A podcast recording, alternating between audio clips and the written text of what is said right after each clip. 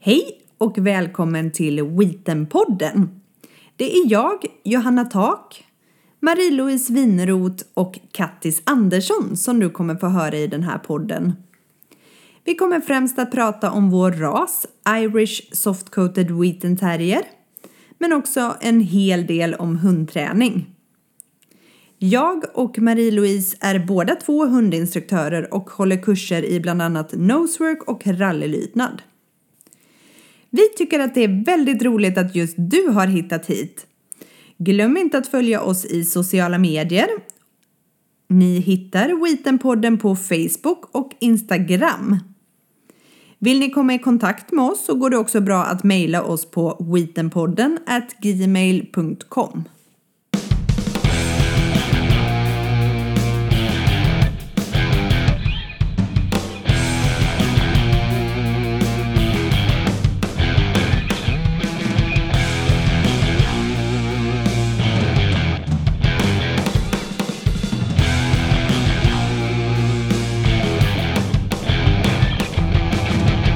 Då är det våran fjärde Witten-podd och eh, idag tänkte vi prata lite grann om valparna. Och Marie-Louise Winroth och Johanna Tak är här såklart. Och jag ställer frågan direkt till er. Vad har ni för erfarenhet av valpar? Eh, ja, jag har ju haft fyra valpar då, för jag har haft fyra hundar.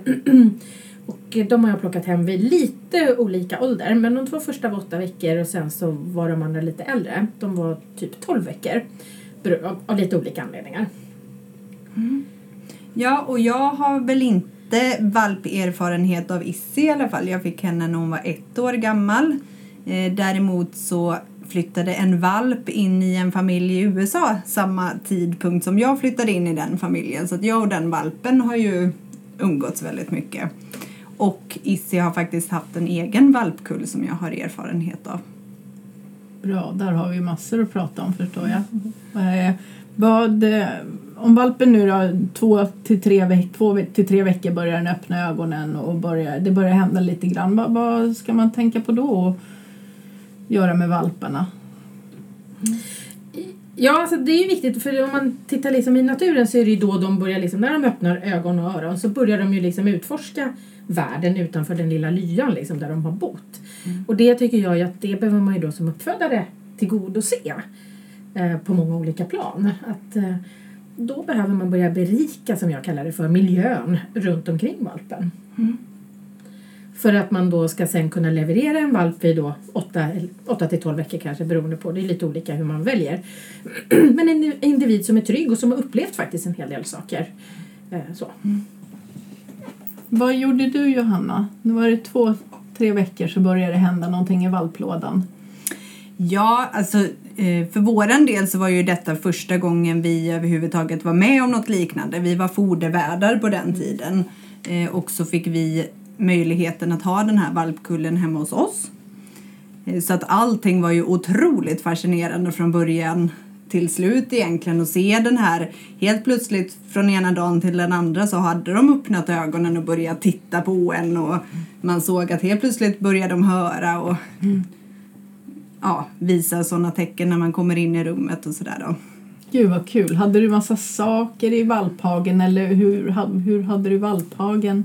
Ja, jag försökte nog ge dem lite olika erfarenheter. Bland annat så passade jag på ibland om jag ändå skulle städa i valplådan så fick de kanske äta sin mat i ett annat rum. Mm. Eh, så. så att de fick en erfarenhet av att utforska ett nytt rum hemma hos oss. Sen försökte jag också få hundarna att eh, få egen tid i, eh, både inne i valplådan och utanför valplådan med olika föremål som mm. var nya för dem. så. Hur reagerade Issy då när du plockade upp valparna? Det var inga problem? Hon var bara fascinerad mm. också. Liksom, så hon var faktiskt en väldigt duktig mamma. Mm. Jo, för det är ju så att när de då börjar utforska så behöver man utforska på många plan. Mm. Eh, jag tänker också till exempel det här med att de behöver få olika underlag att gå mm. på, kanske underlag som inte är helt stadiga, alltså som rör sig lite mm. grann, som det låter mm. om och sådär. Och det ideala är ju absolut om man då har vårvalpar och man kan vara utomhus och man kan ha en liksom hage ute. Men den behöver man ju också bygga upp lite roliga saker i att kunna ja, men gräva, kunna springa, ha leksaker liksom. Har du något exempel på någon länk vi kan lägga upp där det finns lite bra tips? Ehm, eh, jag vet några som föder upp, de föder dock inte upp Wheaten men de föder upp så kallade Canon Dogs, lite speciella hundar. Eh, Kennel Shankos, vi kommer lägga ut den länken, de har eh, valpberikningstankar och där kan man även läsa om hur de berikar sina hundgårdar. Så, för där kan man ju plocka så, hur man kan göra alla möjliga olika saker för hundarna. Ja, och utveckla alla sinnen egentligen. Som du säger att det ska prassla lite och det kanske ska vara någon liten tunnel som de ska våga gå in i. Och Det är verkligen bara fantasin som sätter gränser liksom. Hur viktigt är det att börja med bilträning och sådana saker? Koppelträning, när gör man det? Alltså jag tycker ju liksom att eh, när man får hem sin valp på åtta veckor så tycker jag att den, det ska inte bara vara en bilresa till och från veterinären. Jag, jag tycker ju att man behöver kanske bilträna lite grann. Eh, jag vet ju till exempel en annan vän till mig som gör väldigt mycket sådana saker. Hon får kritik för att man tycker att hon stressar valparna. Men hon menar ju på, det menar jag ju också, att man gör det här en väldigt kort stund under dagen också och tillsammans med sina syskon och med sin mamma att få uppleva saker som kanske är lite obehagliga för det tycker ju valpen. Men att då tillsammans med sin trygghet få uppleva det här är ju väldigt bra. Så att liksom stoppa in hundarna i bilen kanske om man ska ner och handla en liten mjölk, det är ju supersmart liksom.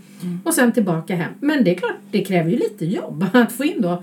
Har man åtta valpar och lite så här så är det klart att det är jobb, lite bassligt. Men Men jättebra miljöträning om man allt, så, allt som man kan prova på är ju jätte... Det som den kommer vara med om resten av livet också. Det är, Ja, och det blir någon form av del av vardagen. Eh, Det var någon gång till exempel jag tyckte att så här, nej men jag hade någon bakplåt som jag gav maten på för att hundarna faktiskt skulle våga gå på den här bakplåten. Och de tänkte ju inte på att det var konstigt. Det var bara en del av vardagen att idag var det så här. små, små grejer som kan göra att det, att det blir inte, så, att inte blir så farligt sen i framtiden med läskiga saker. Nej, och man behöver inte göra så himla avancerat. Man kan ju liksom, även om man till exempel då bor i lägenhet, att ha lite olika kattlådor med sand och köpa sån här täckbark som de kan gräva med eller i eller sådana saker. Eh, Ikea brukar ha en uppsjö av massa roliga saker som egentligen ska vara för barn eller för annat. De, här, de hade någon sån här tacobricka som liksom rörde på sig och så. så att, Alltså det finns massor, det är bara fantasin som sätter gränser för vad man kan låta valparna uppleva liksom. Hur är det att börja träffa annat folk då? Det, ska det vara för mycket eller för lite eller lite lagom? Eller spelar det ingen roll hur mycket folk som kommer? Det ska de ändå klara av sen Ja, eller? I valplådan så ska väl inte de behöva utsättas, i alla fall inte tidigt. Och lite för för tikens skull också kanske. Jag tycker att man behöver lyssna på tiken Ja, där och mm. se att eh, fixar hon det och tycker att det är okej. Sen så är jag ju så här anti mot att man ska hålla på och lyfta små alltså nyfödda valpar och det ska lyftas upp och man ska fota och det ska bli fina foton man Speciellt håller. innan de ser eller hör eller förstår vad det är som händer. precis. liksom. Sen kan man börja lite mer med det men i början så tycker inte jag det är så. Mm. Sen så absolut så kan jag förstå att man kanske vill ha vikter och sådana saker men att då försiktigt liksom lägga över valpen på ett liksom annat tygstycke som man sen liksom försiktigt liksom lyfter upp på en liten hushållsvåg. Mm. Men inte liksom tjoho upp i luften sådär. Det, det kan ju bli ganska Upp och flyga Ja. i luften. Mm. så. så att, ehm, men det är ju lite så olika. Jag kan säga så att första gången jag egentligen hörde talas om det här med att liksom berika det var Eh, en artikel i Brukshunden som jag blev superfascinerad av och det var faktiskt en kennel som hette Bardlands som födde upp Riesenschnauzer. Och de hade en liksom, äventyrsbana i sin trädgård där de lät sina valpar vara. Det, det var liksom så här petflaskor som hängde på ett snöre och det var eh, såna här plastkättingar som de gick igenom och liksom, det liksom kom längs kroppen och det var upp över saker, ner under saker och då blev jag så här: wow, här vill jag köpa hund. Fast jag kanske inte ens vill ha en risen men det var så här, vilka valpar de skulle leverera liksom. Blev min tanke. Och detta kommer väl egentligen från djurparksvärlden. Där håller man ju på jättemycket med berikning och det är även doftberikningar och så då. Jag tycker att det är skitkul med, med alltså ätberikningar, att låta dem testa. att Kommer man in i en kokosnöt? Kan man äta en ananas? Vad händer med ett rått ägg? Alltså, man måste ju få testa för eh, liksom Alltså de vilda hundarna går ju åt väldigt mycket till att undersöka föda. Går det här att knapra i sig eller inte? Så. Spännande. Vad ska man då, om jag nu ska köpa mig en liten valp, vad, vad ska jag kräva av uppfödaren? Vad ska jag ställa för frågor? Och vad, hanen och nu, tiken då, är det, vad har ni för Det funderingar där? absolut viktigaste kan jag tycka är väl att det är en uppfödare som man känner förtroende för och att man känner att den här kommer jag vilja ha en relation med under hela hundens liv. För många gånger så har man ju kontakt med uppfödaren inte bara när man hämtar hem sin valp utan man ringer till den när någonting händer och man vill liksom ändå informera så. Så det är ju nummer ett tycker jag, att man, att man får förtroende och vill ha en relation med uppfödaren. Det, det, absolut, jag tycker att man behöver klicka i att ha lite samma syn på, på hund. Så. Eh, sen kan jag ju tycka att det, det är ju så att det, det är ju lätt att man liksom pratar bara med uppfödaren men, men det bästa också är ju kanske att försöka hitta andra som har sen tidigare köpt valp från uppfödaren och få lite erfarenheter liksom och sådär och, och träffa de hundarna också. Så. ehm, sådär. Därför att då får, man, då får man en annan bild och man får, får kanske ställa andra frågor och sådana saker. Sen händer det ju ibland att mm, man inte drar jämnt sen för att det blir någonting och det, Ja, eller Det att kan- man kanske inte vill ha relation Nej. med sin uppfödare. Det är ju okej det också. Men många gånger om hunden blir dålig eller sådär så vill man ju ändå ringa speciellt första tiden. Så. Mm. Sen tänkte jag lite på vad man då ska ha sin hund till. Om man vill ha den som en utställningshund eller om man vill ha den som en viltspårshund eller aktivitets agility sådana saker. Vad, men just utställning, då det, ska man väl då ha någon fin mamma och någon fin pappa som... Alltså det är klart att man ska titta på de bitarna. Sen, så, sen är det ju så här, och det är superspännande tycker jag.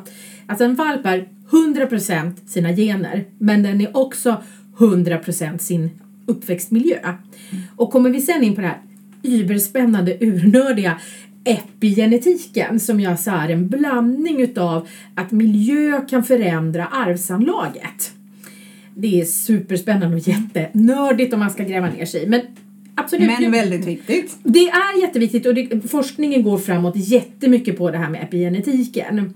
Så, så att, men självklart tycker jag ju att man ska titta på att man har föräldradjur som, som är friska. Ehm, så, eh, och när de går eh, självklart. Eh, och att de är trevliga mentalt, det är ju det som liksom är viktigt. Och vi har ju lite olika redskap för att kolla det. Eh, BPH, och vi har mentaltest och lite sånt. Sådär. Jag säger inte att man måste ha genomgått det men, men, eh, men även liksom att man får chans att kanske träffa mamman även innan pappan också. Det brukar ju sällan funka det för att oftast bor pappa kanske bor, alltså hanhunden bor någon annanstans. Men det är ju bra. Men jag tycker att det absolut kan vara bra att få träffa mam, mamma-hund innan. Är det någonting med den här rasen, någon ögonsjukdom eller höft, någonting som ska röntgas eller? Alltså man, man, det finns inget krav på höftledsröntgen men jag kan ju tycka att det är bra eh, med höftledsröntgen. Nu, peppar peppar, så har ju rasen inte några större problem med att även om de inte får super, superbra höftledsresultat så har de oftast inga problem med det för att det är en ganska li- liten lätt hund. Eh, sen finns det ju eh, en djursjukdom som eh, har dock gått ner men min första tik hade troligen den. PNP heter ju den då. Och det är en missbildning utav njurarna och ofta så är det tyvärr så att de dör väldigt, väldigt tidigt, alltså redan vid 10, 10, 8-10 veckors ålder. Min hund blev dock 8 år. Men Och sen är det väl allergier och magproblem som är det som är problem. Om man då förhoppningsvis står i den där valpkön och eh, eventuellt är tänkt att man ska få köpa en valp hos den här uppfödaren och få komma och hälsa på valparna. Vad, de är så olika säkert valparna. Vad ska jag tänka på när jag eh, kommer till valphagen första gången?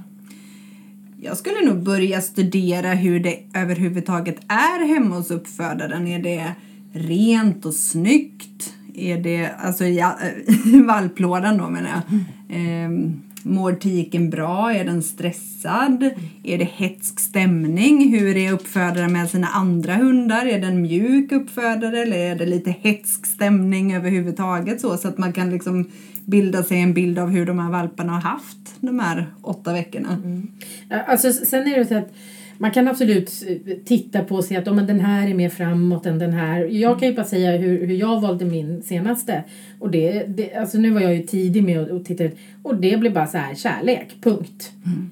Sen är det ju så här att där är ju så himla olika att många gånger, och det, jag förstår uppfödarna, de brukar ju försöka verkligen titta och det borde ju du ha erfarenhet Johanna av att liksom Mm. hur är de som individer och var kommer de passa någonstans? Och hur ser Och det ser man ju otroligt snabbt. Det vet ju att bara när de var några veckor så såg man att ja, men den här individen den har den strategin för att få det den vill ha.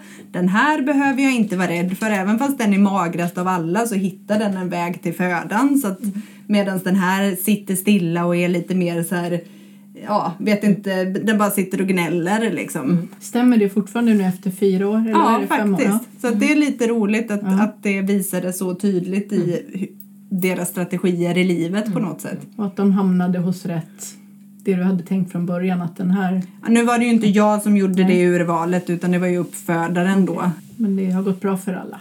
Ja. Ja, Mm. mysigt. Har vi något mer ni vill ta upp om valpar? Annars tänkte jag i nästa program att du skulle prata lite mer om när man då har fått hem sin valp. Lite mera vad man ska tänka på själv. Men eh, då har jag valt hos uppfödaren och jag har förhoppningsvis fått valt ut en av valparna som kommer runt åtta veckor. Eh, Jag tycker tidigast åtta veckor. Mm. Eh, sen kan jag säga att jag har inte sett någon nackdel i att mina har varit kvar tills de har varit kanske 12-13 veckor.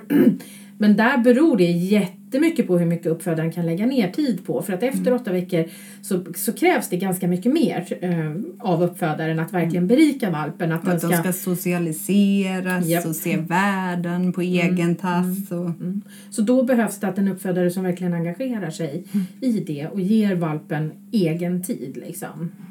Där kanske det också kan vara bra att man hittar en uppfödare som kanske har valpkurser eller någonting så att man får träffas igen och få lite tips om man inte har haft valp förut. Valpträffar är ju alltid trevligt Ja. så. Så att man träffas igen och ser och sådär. Det, det vill ju de flesta uppfödare också ha för att liksom behålla kontakten och se var det, var det landar. Liksom. Åh, vad bra. Men då känner jag att vi eh, är klara med avsnitt nummer fyra och jag ser väldigt mycket fram emot avsnitt nummer fem som kommer om en vecka. mm, Ja, härligt! Tack så mycket för idag. tack själv. Hej!